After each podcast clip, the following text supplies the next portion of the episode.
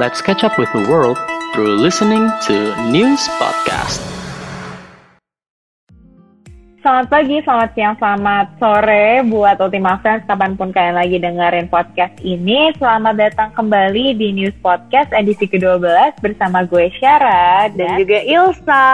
Wow, akhirnya kembali lagi ya mendengarkan suara Ilsa dan suara Syara nih ya. Walaupun ini pertama kalinya kita berdua ya siarannya ya. betul sekali Yosa. Nah, minggu lalu kita tuh ngerayain Kartini ya, Sa. Walaupun sedih sih tahun ini tuh kita nggak bisa ngerayain Kartini secara langsung. I know, betul sekali. Ya, walaupun udah lewat nih Syara, tapi tetap semangat Kartini kita tuh tetap harus ada ya nggak sih di diri kita masing-masing.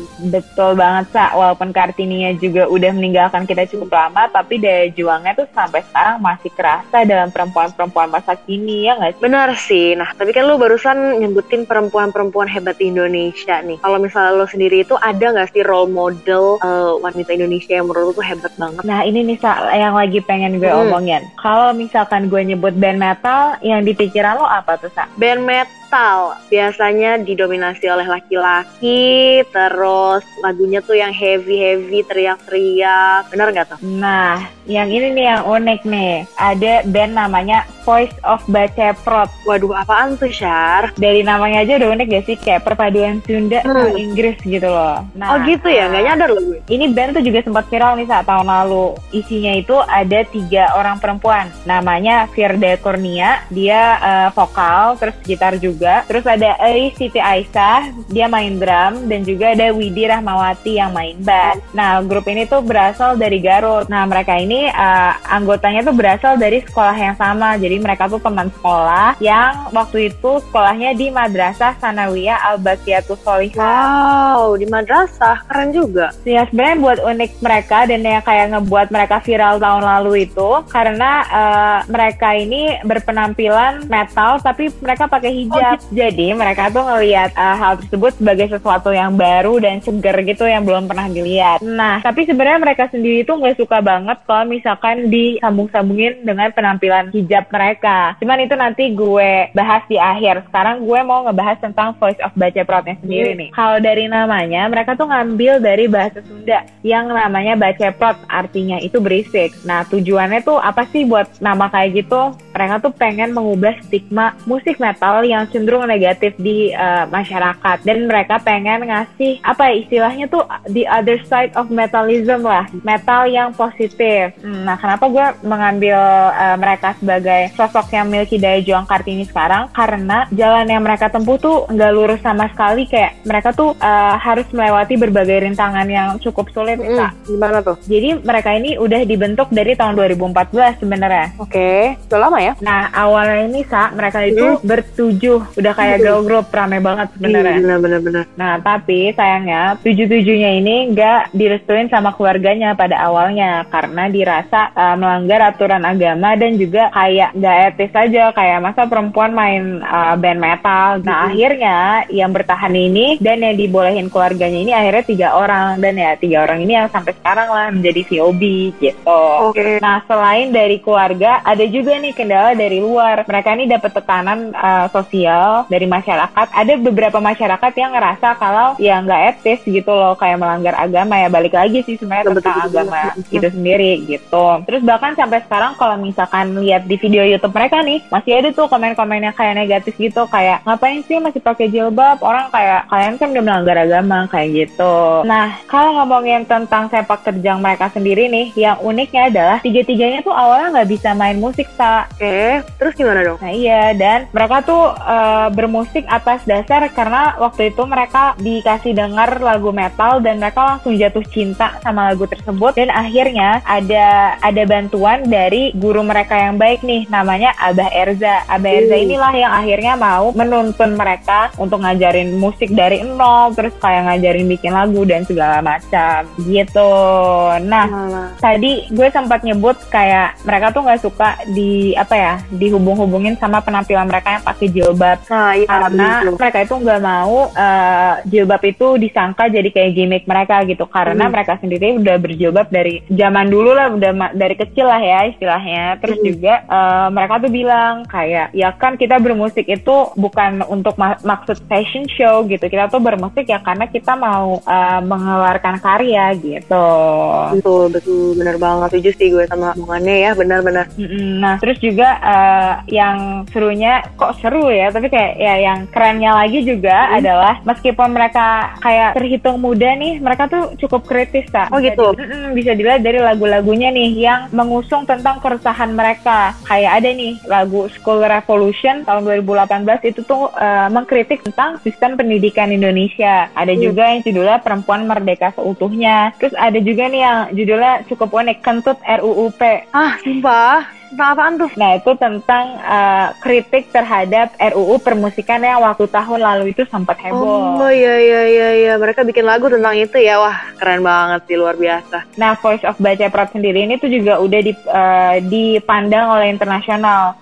Terus juga mereka tuh sempat manggung di Synchronize Fest. Terus juga waktu itu mereka hampir banget manggung di Head in the Clouds Jakarta. Tapi ya karena corona inilah akhirnya mereka nggak jadi. Ya sayang banget ya nggak apa-apa pasti kesempatan lainnya akan datang ya di depan-depan hari. Amin. Nah, kalau dari lo sendiri kak nih, lo ada role model apa nih? Em, ada sih gue kalau misalnya lo kan dari dunia musik nih kalau gue ini datangnya dari Benar. dunia fashion. Siapa tuh Sa? Jadi lo pernah denger gak sih sebuah brand macam brand H&M tapi mirip Indonesia yang namanya Cotton Ink? Tahu-tahu itu keren banget loh. Keren banget kan? Nah makanya gue sendiri pun juga kaget pas gue tahu kalau misalnya ternyata yang buatnya itu atau pendirinya adalah dua wanita hebat yang berasal dari Indonesia. Kaget gak lo? Kaget. Siapa aja tuh? Iya, jadi eh, kedua founder ini namanya Karlin Darjanto dan juga Ria Sarwono. Wow. Jadi kalau misalnya lo mau tahu nih, Syara, asal muasalnya dari Cotton Ink ini terus dari mana atau kayak gimana sih mereka mulainya? Jadi sebenarnya si Karlin sama Ria ini mereka tuh udah sahabatan dari SMP. Wow, lama Terus, banget, awet Mereka, banget. betul. mereka berdua ini emang udah pengen banget dari dulu untuk ngebuat macam brand yang bisa menjual baju-baju yang comfy, yang enak dipakai dan juga basically day to day outfit gitu loh. Nah, mereka ini akhirnya melihat suatu kesempatan nih pada saat waktu itu nih dulu Obama itu kan sempat kayak heboh dibicarakan di Indonesia setelah beliau itu keluar sebagai pemenang dalam pemilihan presiden Amerika Serikat karena ternyata orang baru tahu oh ternyata Obama itu dulu tinggalnya di Indonesia loh Hmm. Terus di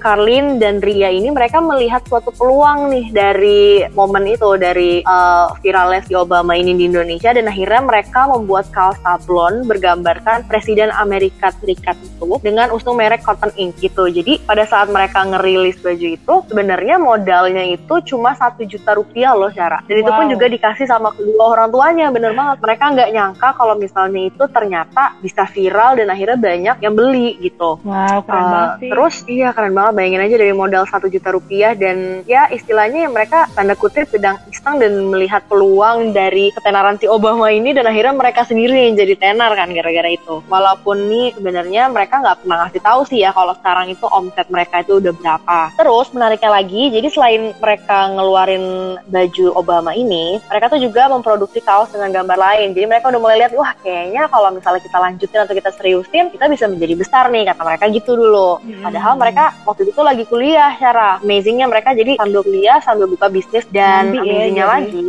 iya nyamping kerja sampingan dan mereka ini tuh mengandalkan kayak semacam online shop ya mereka dan kalau misalnya kita lihat lagi ya tahun 2008 itu kan internet atau online shop itu belum semarak sekarang ya jadi yang Benar. artinya mereka harus kerja lebih keras lagi untuk benar-benar gimana caranya supaya produk mereka itu tuh bisa dilihat oleh orang-orang gitu. terus amazingnya juga nih si Karlin ini tuh udah nggak cuman kuliah doang dia bikin baju-baju itu dan dia juga bekerja di perusahaan garment milik pamannya gitu. jadi dia kerjanya banyak lah pokoknya istilahnya terus sementara si Wow. Ria ini walaupun dia kuliah dia juga tetap menjadi guru les piano wow. sambil bikin baju untuk cotton ini nih berarti mereka berdua ini benar-benar hardworking women banget ya udah kelihatan lah ya Iya, kayak- udah kelihatan ya kerja keras mereka itu sangat terbayarkan banget sekarang Iya dan kayak ngebangun bisnis aja sebenarnya udah susah nggak sih? Tapi kayak mereka ternyata ada sampingan yang lain lagi, yang lain lagi, wah keren banget.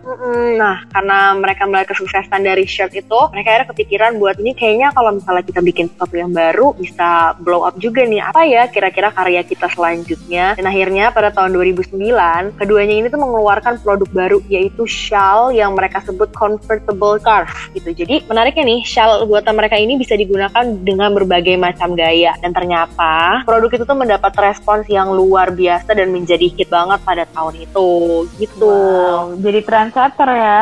Iya, udah bukan jadi desainer doang, mereka jadi trendsetter bener banget Hmm. secara. Terus berangkat dari kesukses- kesuksesan tersebut di awal tahun 2010 tuh Karin dan Ria memutuskan untuk menyeriusi banget nih sama bisnis ini. Jadi mereka tuh bikin Cotton Ink jadi merek mode. Jadi mereka tuh bikin survei kecil-kecilan lah. Jadi mereka berdua tuh ngerilis pakaian casual dengan desainnya tuh juga yang cuman kayak baju kantoran, baju pesta dan ternyata usaha mereka itu bisa masuk dan diterima oleh masyarakat. Jadi Hmm. kalau misalnya tahun 2010 itu mereka target pasarnya masih unisex, mereka ngeliat kayaknya oh ternyata selama ini kalau misalnya kita keluarin lini-lini yang lebih ke arah perempuan target pasarnya nah itu tuh laku banget. Akhirnya pada tahun 2010 mereka itu memutuskan untuk uh, menetapkan bahwa target market mereka itu adalah perempuan. Karena mereka udah menentukan nih target marketnya tuh di mana dan siapa, mereka akhirnya menciptakan produk-produknya itu yang bisa menggambarkan perempuan sebagai orang-orang yang nyaman dan percaya diri dengan dirinya sendiri sekaligus memiliki karakter. Nah ini yang perlu kita highlight banget sih. Jadi mereka benar-benar mempromosikan nilai-nilai bahwa perempuan itu tuh ya nggak mesti harus selalu classy atau gimana. Kalaupun casual pun juga tidak menurunkan nilai dia sebagai seorang perempuan dan lain-lainnya lah. Pokoknya banyak banget message-message message-message positif tentang perempuan yang bisa kita ambil dari produk-produknya si Cotton Ink ini. Gitu, Intinya tuh Cotton Ink itu emang embracing woman ya, Sa. Betul banget dan itu penting banget gak sih apalagi kalau misalnya target market mereka itu adalah wanita-wanita muda seperti kita gitu kan yang pengen tampil keren tapi ya pokoknya mereka ini mempromosikan message-message yang baik banget lah bagi kita perempuan-perempuan Indonesia gitu terutama yang masih muda. Nah sekarang kalau Cotton Ink sendiri itu awalnya cuma punya toko offline itu tuh di Kemang karena popular demand. Orang-orang tuh pada minta ini kapan sih ada toko offline-nya, kapan sih ada toko yang bisa kita lihat katalognya secara langsung. Akhirnya dengan menggunakan kantor mereka yang lama di Kemang, mereka ngerubah itu menjadi offline shop pertamanya Cotton Ink. Tapi karena banyak banget yang request lagi, ayo dong kak buka cabang di sini dong kak, buka cabang di sini. Akhirnya si Ria dan Karlin ini mencoba untuk membuka offline store baru di Plaza Senayan. Wow. Dan ternyata karena di sana sukses, akhirnya buka lagi di Pondok Indah Mall. Terus yang terakhir itu ada di Kokas atau Kota Kasablanka ya. Dan akhirnya mereka memutuskan untuk menyeriuskan ketiga tempat di sana dan menutup cabang yang di Kemang tadi itu. Hmm. Tapi itu udah keren banget gak sih kalau misalnya lo punya suatu offline shop atau offline store yang besar di mall-mall yang besar juga di Jakarta. Iya, kayak bahkan offline shop come pertama. banget ya sih. Kayak bahkan offline shop pertamanya aja ya udah di Kemang gak sih, Sa? Kayak wow.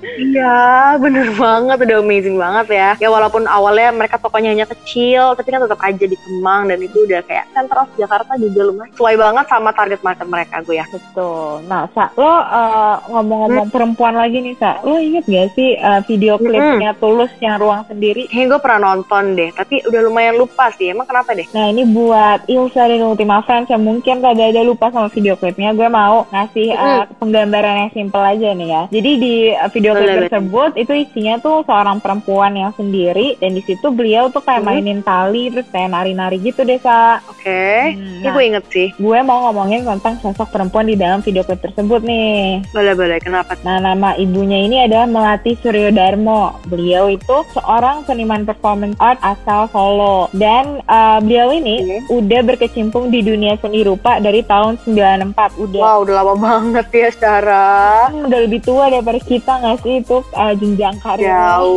Nah, Mm-mm. Ibu Melati ini ya karena beliau adalah performance artist ya dia menggunakan tubuhnya sebagai media dia untuk berkarya menjadi kanvas Ah, lah. ya. gimana tuh? Nah iya jadi tuh dia kerap menggunakan badannya sebagai sarana untuk berbicara tentang identitas, energi, politik dan hubungan antara tubuh dan lingkungannya. Tinggi banget ya sebenarnya bahasanya. Nah kenapa menurut gue Ibu Melati ini uh, memiliki daya juang Kartini karena dulu ini beliau berasal dari keluarga seni tapi justru beliau nggak diperbolehin untuk jadi seniman karena pada saat itu keadaan ekonomi keluarganya tuh kayak kurang baik dan uh, di situ orang tuanya sudah merasakan bagaimana seniman itu belum dapat diapresiasi di Indonesia. Nah akhirnya ya udah Ibu Melati ini kayak pasrah ya udah deh saya ambil jurusan HI aja gitu. Nah beliau ini akhirnya baru bisa belajar seni ketika dia ngambil S2 di Jerman. Mungkin salah satu oh, karya keren banget.